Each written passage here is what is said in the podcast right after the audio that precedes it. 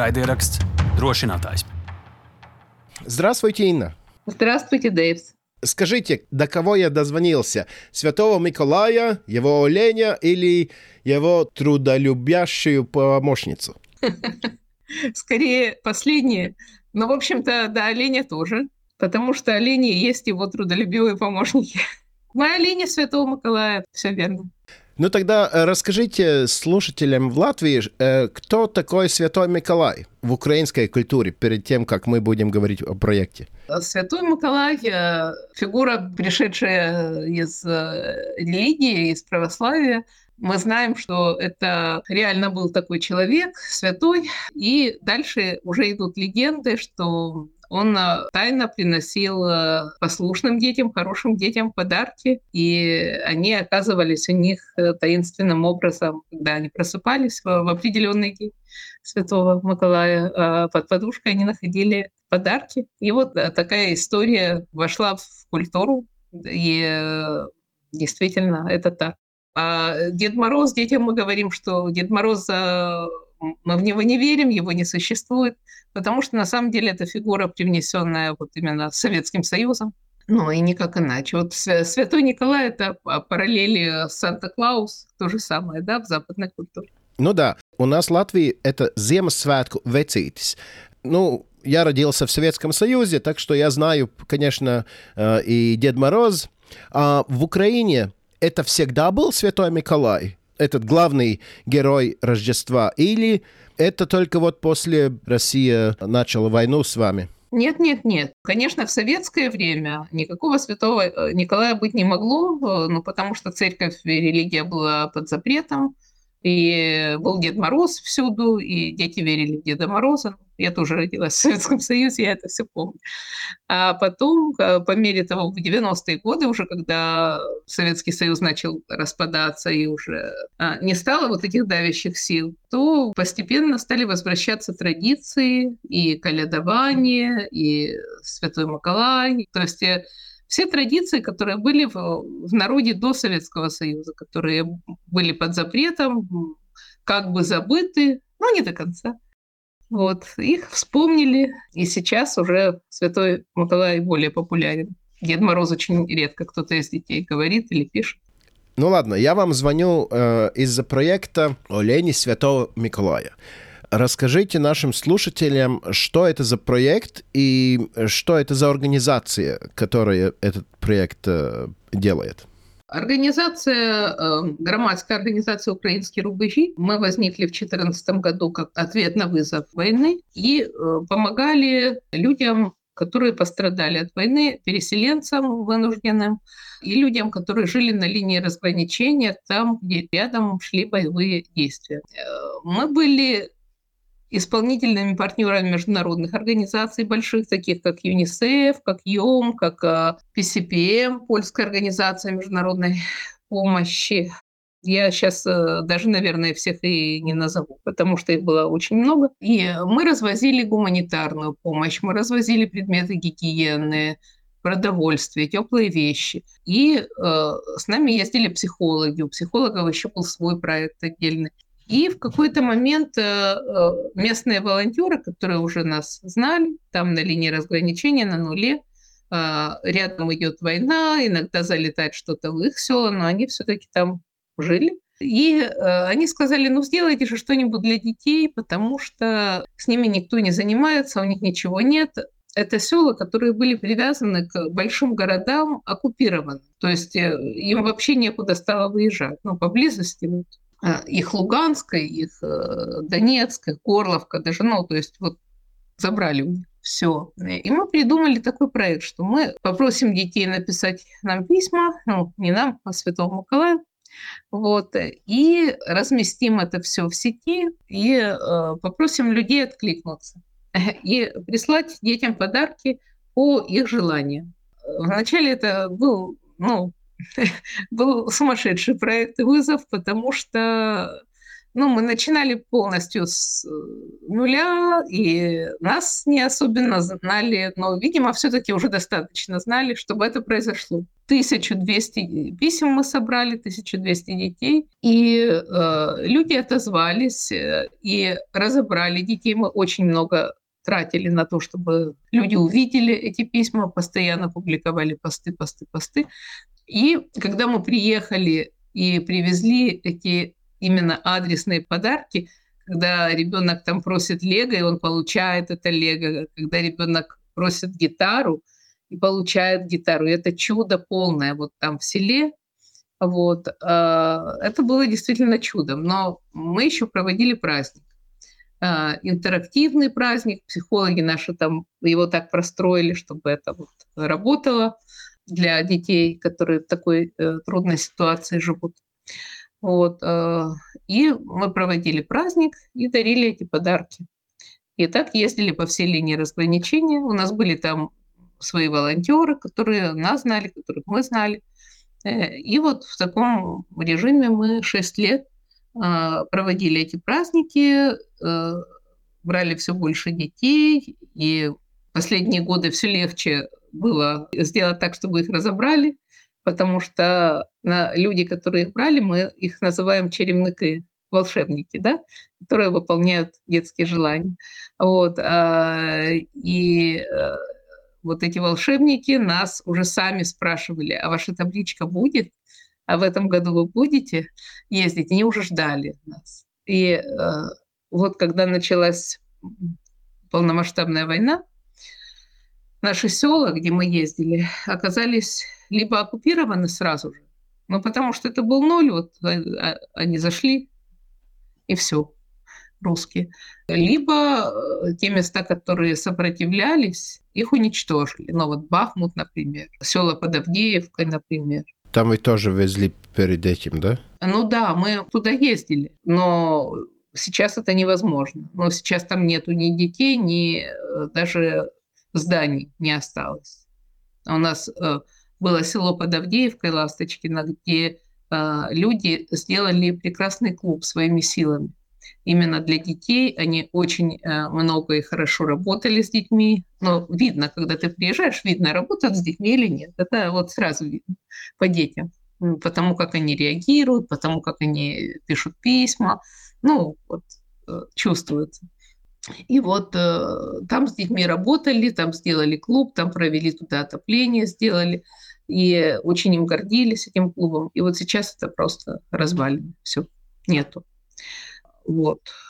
И мы в прошлом году, ну, перед началом проекта не понимали, куда мы поедем, как мы будем искать этих детей, э, ну, что нам вообще делать.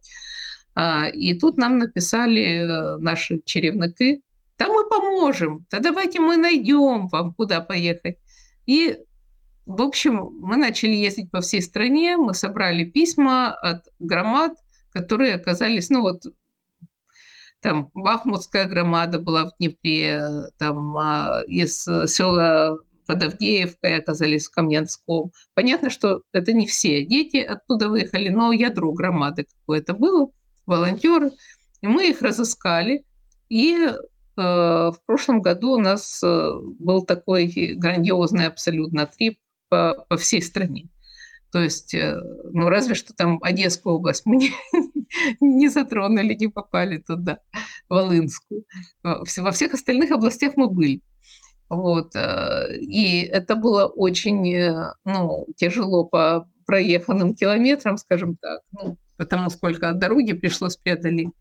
Но мы приезжали и находили детей, и э, те мамы, которые знали нас, вот мы к ним приезжали там на линию разграничения, и они были в очень пассивной такой роли. Тут они нам начали писать, а вот мы тут, а приезжайте к нам. А мы говорим, мы же по одному не берем детей, мы берем громаду только. Там соберите нам 30 детей, 50 детей, мы приедем. И они это делали. Они э, выходили из пассивной позиции в активную, они собирали вокруг детей переселенцев, э, находили помещение – а, и э, вот это было тоже чудо и результат нашего проекта такой, ну, явственный. А если сравнивать э, прошлый год и сегодняшний день, что поменялось? В этом году у нас э, деоккупирована Харьковская область которая находилась под оккупацией, ну, много сел, много там, небольших городов. А, и туда, куда это возможно, а, на ну, не так сильно обстреливаемые части Харьковской области, потому что есть Купинский район, есть Волчанский район, есть Боровая, которые сейчас активно обстреливают. И мы туда поехать не можем, провести там праздник. Ну, во-первых, оттуда принудительно эвакуировали детей, во-вторых, э, просто это опасно для детей же. Ну. А есть Изюм, э, деоккупированный, есть э, села вокруг Изюма, Изюмский район очень много, есть Чугуевский район, тоже деоккупированные села там. И вот мы сделали акцент, у нас в этом году половина детей, половина нашей базы, то есть, ну, там, наверное, 900 писем, где-то так. Это именно Харьковская область. Вот. А, и эти дети не знают нас. Они, ну, мы к ним не приезжали. Раньше приезжали немножечко летом, приезжали немножечко осенью, там проводили праздники, писали письма с ним. Но в основном они э, еще не сталкивались с тем, как это, когда вот настоящий большой праздник, и тебе дарят то, что ты попросил, то, что ты заказал, они э, еще получают свое удивление очень большое.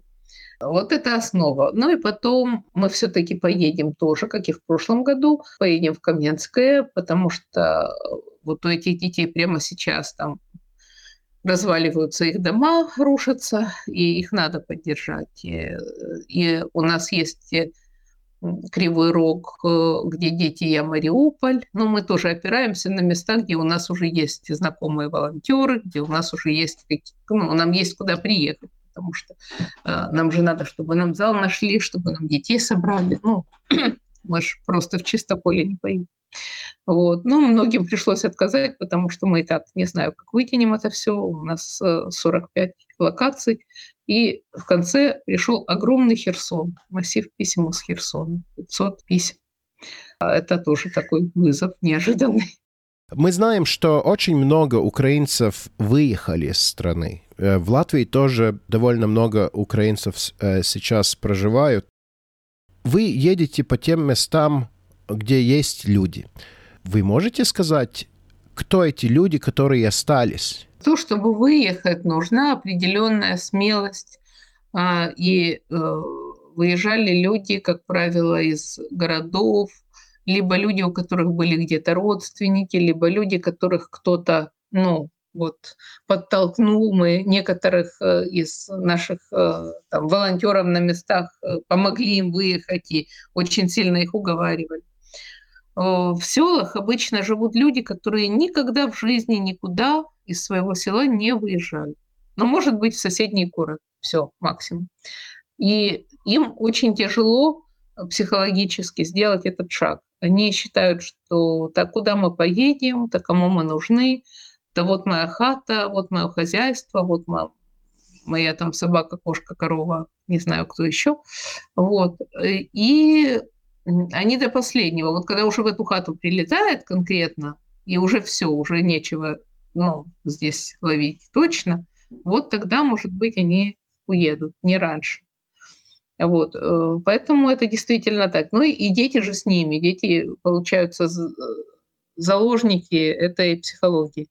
А отличаются дети в тех территориях, которые были оккупированы и сейчас деоккупированы?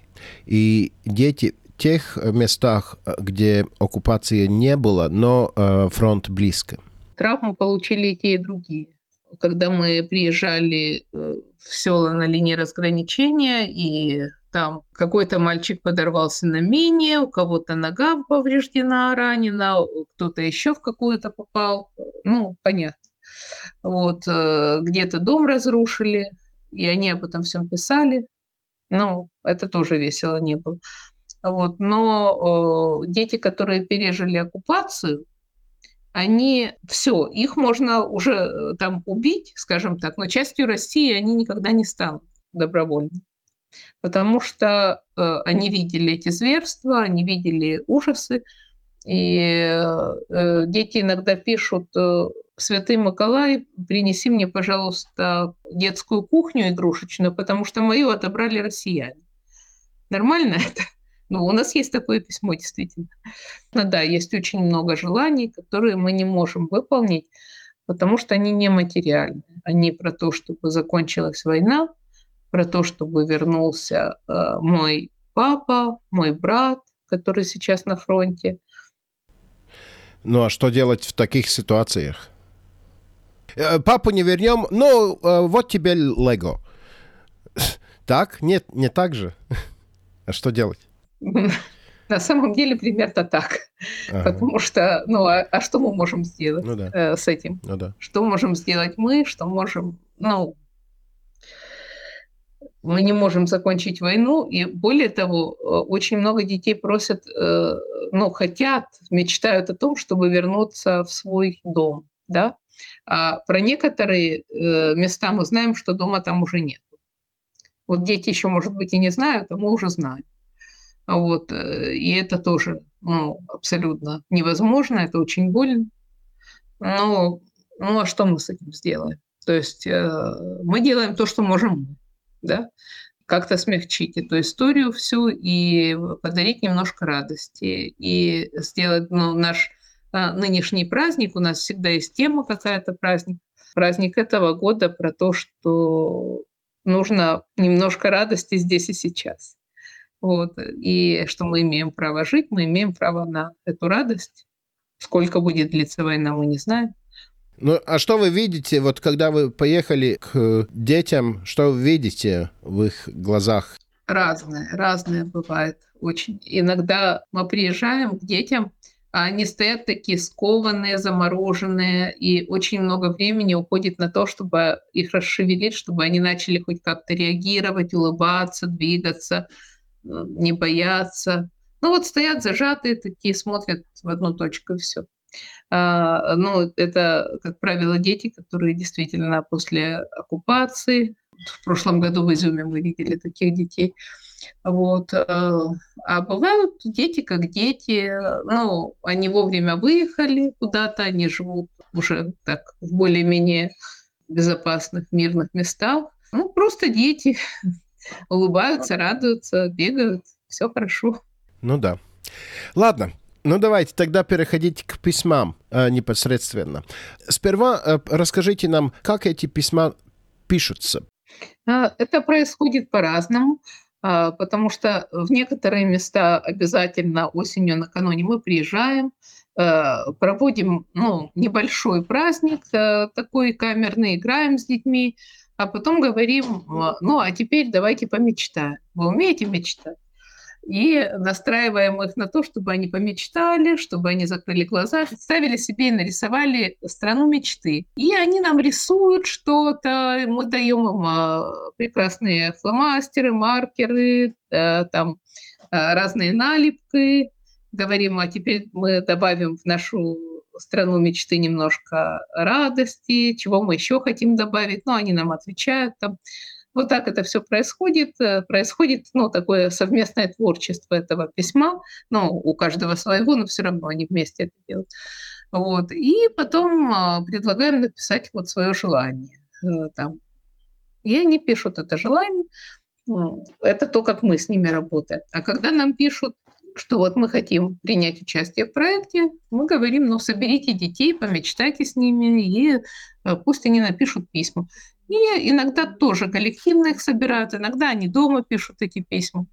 Ну, то есть по- по-разному бывает, но письма эти передают нам, либо присылают по почте, либо э, сами там оцифровывают и присылают нам. Объем какой? Объем сейчас около двух тысяч у нас детей. Это в этом году. И очень много населенных пунктов. То есть, я же говорю, где-то 45, наверное, локаций. Ну, э, сложно сказать точно, потому что мы Изюм разделили на, э, там будет праздников 8 или 10 в одном Изюме. Но это же зависит еще от помещения, сколько детей э, ну, можно собрать вместе. И в Изюме нету больших помещений. А, и обычно наш праздник, чтобы это было ну, хорошо, и все дети участвовали, это где-то 30 детей, 35, ну, до 50, скажем так. Потому что больше это уже ну, немножко не то. Ну и, и подарки раздать сложно сразу всем тогда. Две тысячи письма – это довольно много, чтобы выявлять какие-то паттерны. Что дети просят Святого Николая больше всего? Во-первых, это действительно в каждом письме есть желание мира, перемоги. Очень много в этом году писем, где дети желают победы нашим захисникам – и тепла, и здоровья, и победы, и оружия. Вот детское письмо, да, побольше оружия ЗСУ. И э, чтобы вернулся папа или братик, или даже мама, с которыми находятся в разлуке, которые либо воюют, либо находятся где-то далеко, чтобы кто-то вернулся из плена. Несколько таких писем. Несколько детей попросили не себе что-то, а дрон для ЗСУ. И эти желания выполнили. Еще о взрослых желаниях. В Изюме два мальчика написали, что ну, среди прочего, чего они там хотели, они написали дрова. Потому что э, очень большая проблема с отоплением. Дров нет, машина там стоит 15 тысяч. Это ну, неподъемно для э, бедной семьи, которая э, живет. Вот. И эти письма увидели наши черевники и организовали сбор денег, чтобы купить дрова в Изюм. Они связались с нашим волонтером. Волонтер составил им список вот таких семей, которые нуждаются в социальной защите. И они собрали миллион, миллион гривен а, и машинами повезли в Изюм дрова и тем семьям, вот тем семьям тех мальчиков, которые попросили об этом, и другим таким же семьям. Вот. Э, и изюм будет согрет у нас. Это, конечно, вот э, бывают такие вещи, которые, ну, даже представить невозможно, что они выстрелят, и что это случится, и что вот настоящие чудеса. Поэтому я думаю, что Святой Николай присутствует А, незримо в этом проекте э, по-любому, потому что чудеса происходят каждый год, это правда. Ну вот э, маленькие, большие, какие-нибудь невероятные совершенно чудеса. С этим ответом вы ответили на вопрос, что вас толкает этого делать. Я так догадываюсь. Да. Никак по-другому не получить такие эмоции, да? Да, это огромная, совершенно огромная работа, но вот э, у меня конкретно она просто непрерывная и огромная, потому что я веду базу, а потом э, на меня новая почта завязана, я ищу водителей, ищу тех, кто погрузит это все, и забираю посылки. А посылок иногда приходит, ну вот на пике по 100 в день. Это вообще это огромный объем. А потом все это надо разобрать, отметить в базе, посмотреть, ничего не пропустить, не ошибиться. А, а потом надо собирать выезды, ну, подарки к выездам, и э, каждая пустая клеточка вдруг где этот подарок, ну, то есть вот попал в какой-то не такой ящик, э, не туда, это все волнение очень большое, то есть, ну, эмоциональное напряжение.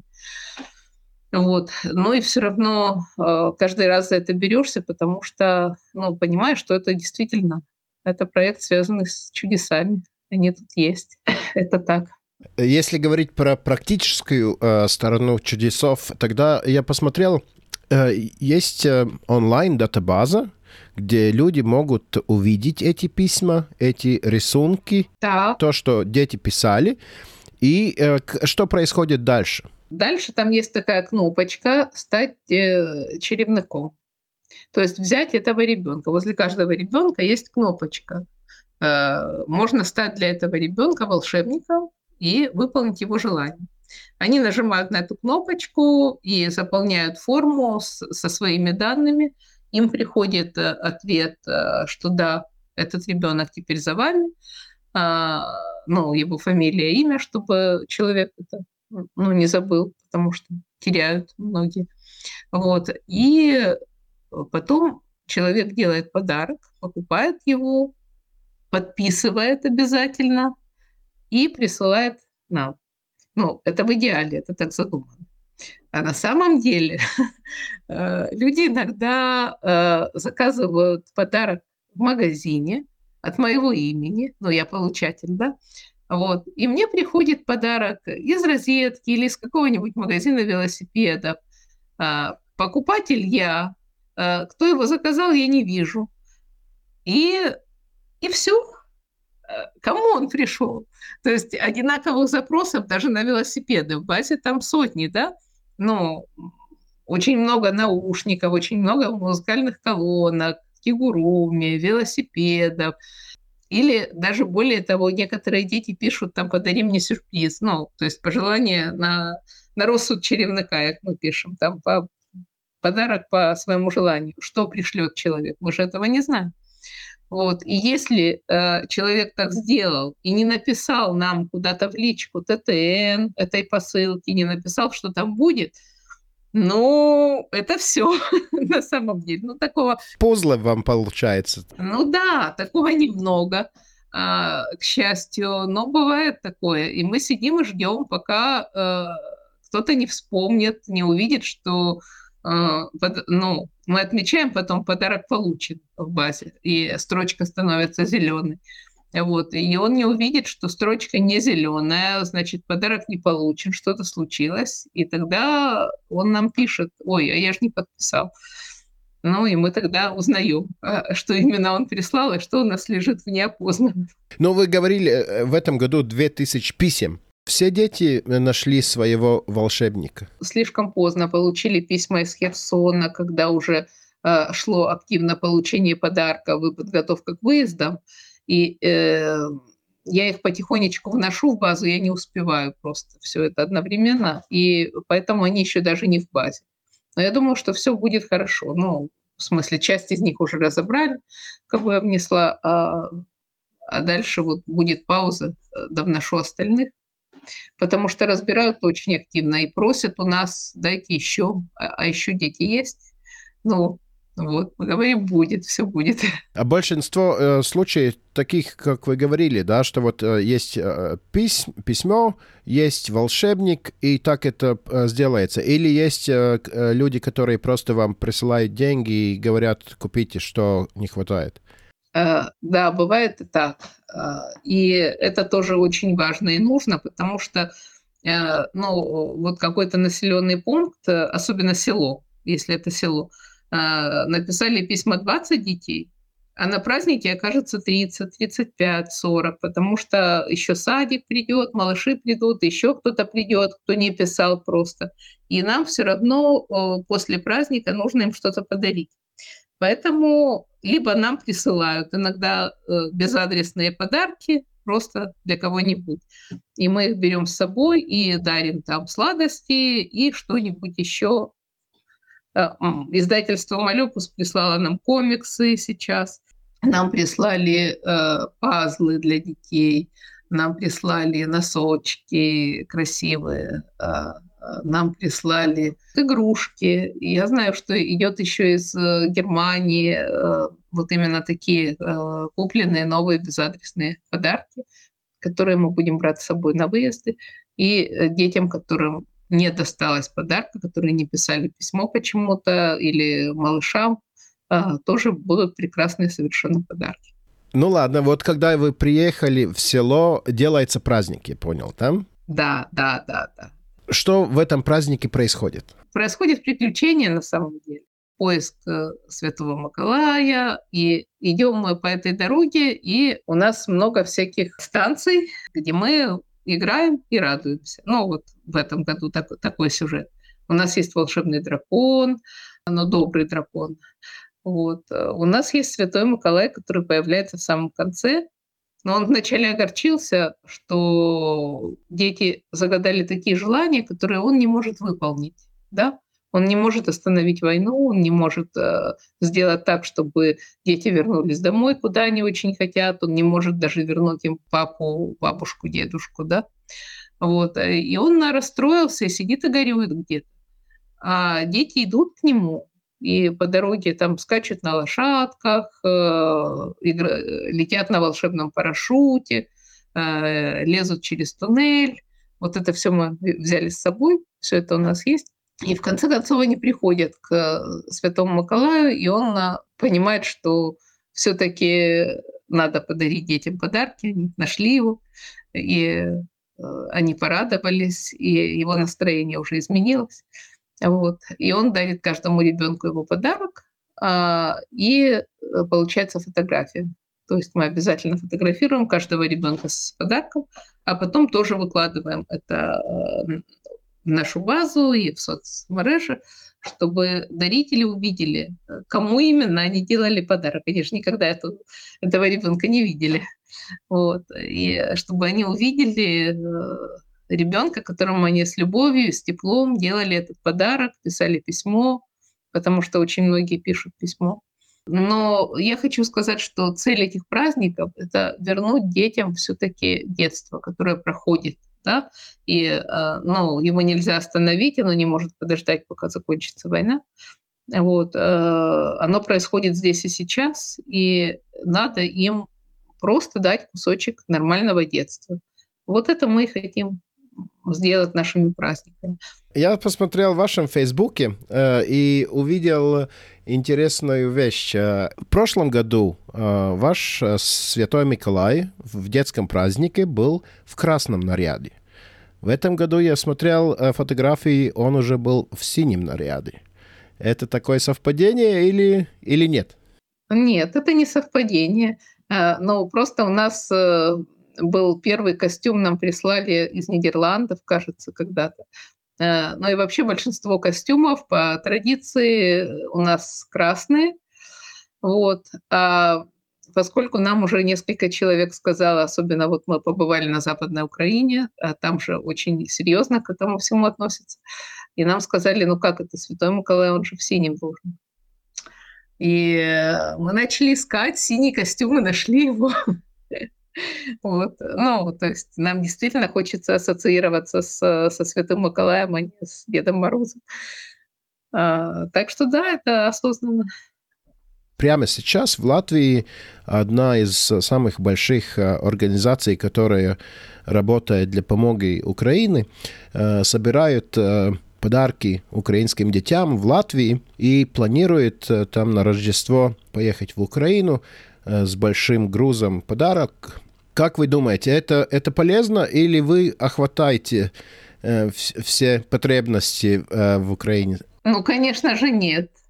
Ну, подумайте, мы небольшая организация, нас, ну вот в оленях там 10-15 человек, может быть, со всеми помощниками и водителями и всем. Но вот мы можем, надрываясь с трудом, сделать 2000 детей, да, а, а нужно миллионы. Ну, нас очень многие зовут, э, особенно там в тех местах, где мы были в прошлом году, там были села под Днепр, э, Днепровской области, Днепропетровской. Вот. Мы не смогли туда поехать в этом году. Мы не можем охватить всех, кто хочет э, нас э, пригласить, видит. А есть еще люди, которые нас не знают и ничего о нас не знают. Но мы мечтаем о том, чтобы масштабировать наш проект. То есть о том, чтобы научить еще несколько команд делать то же самое – и э, мы им поможем, мы будем их сопровождать, мы проведем тренинг для них, э, но вот чтобы нас было больше, потому что мы действительно реально но потянуть. Э, сейчас в Украине абсолютно все дети пострадали от войны в той или иной степени. Ну, так или иначе. Потому что спать, э, простите, в ванной и вздрагивать от э, тревог, это взрослому страшно, а ребенку и подавно страшно. И безопасных абсолютно мест в Украине нет, потому что может прилететь куда угодно. Вот. Э, и поэтому было бы хорошо, если бы оленей было больше. Мы всегда заканчиваем наше большое интервью одним и тем же вопросом, э, что вам пожелать лично, но так как э, вы выполняете желания детей, в данном случае, наверное, мне надо спрашивать, о чем бы вы попросили оленев святого Николая? Вы знаете, я бы не была оригинальна, и как и многие дети попросила бы, чтобы закончилась война, чтобы Украина победила, чтобы вернулся мой муж, который воюет сейчас, И э, не в последнюю очередь, чтобы мы успели все сделать в этом проекте в этом году, потому что э, очень много, и пока что, ну, я э, вижу, что только чудо нам поможет все эти 40 чем-то локаций объехать э, вовремя. Ладно, большое спасибо вам, Инна, и чтобы э, удалось все как э, планируется. Спасибо, спасибо вам. Всего доброго. Всего доброго.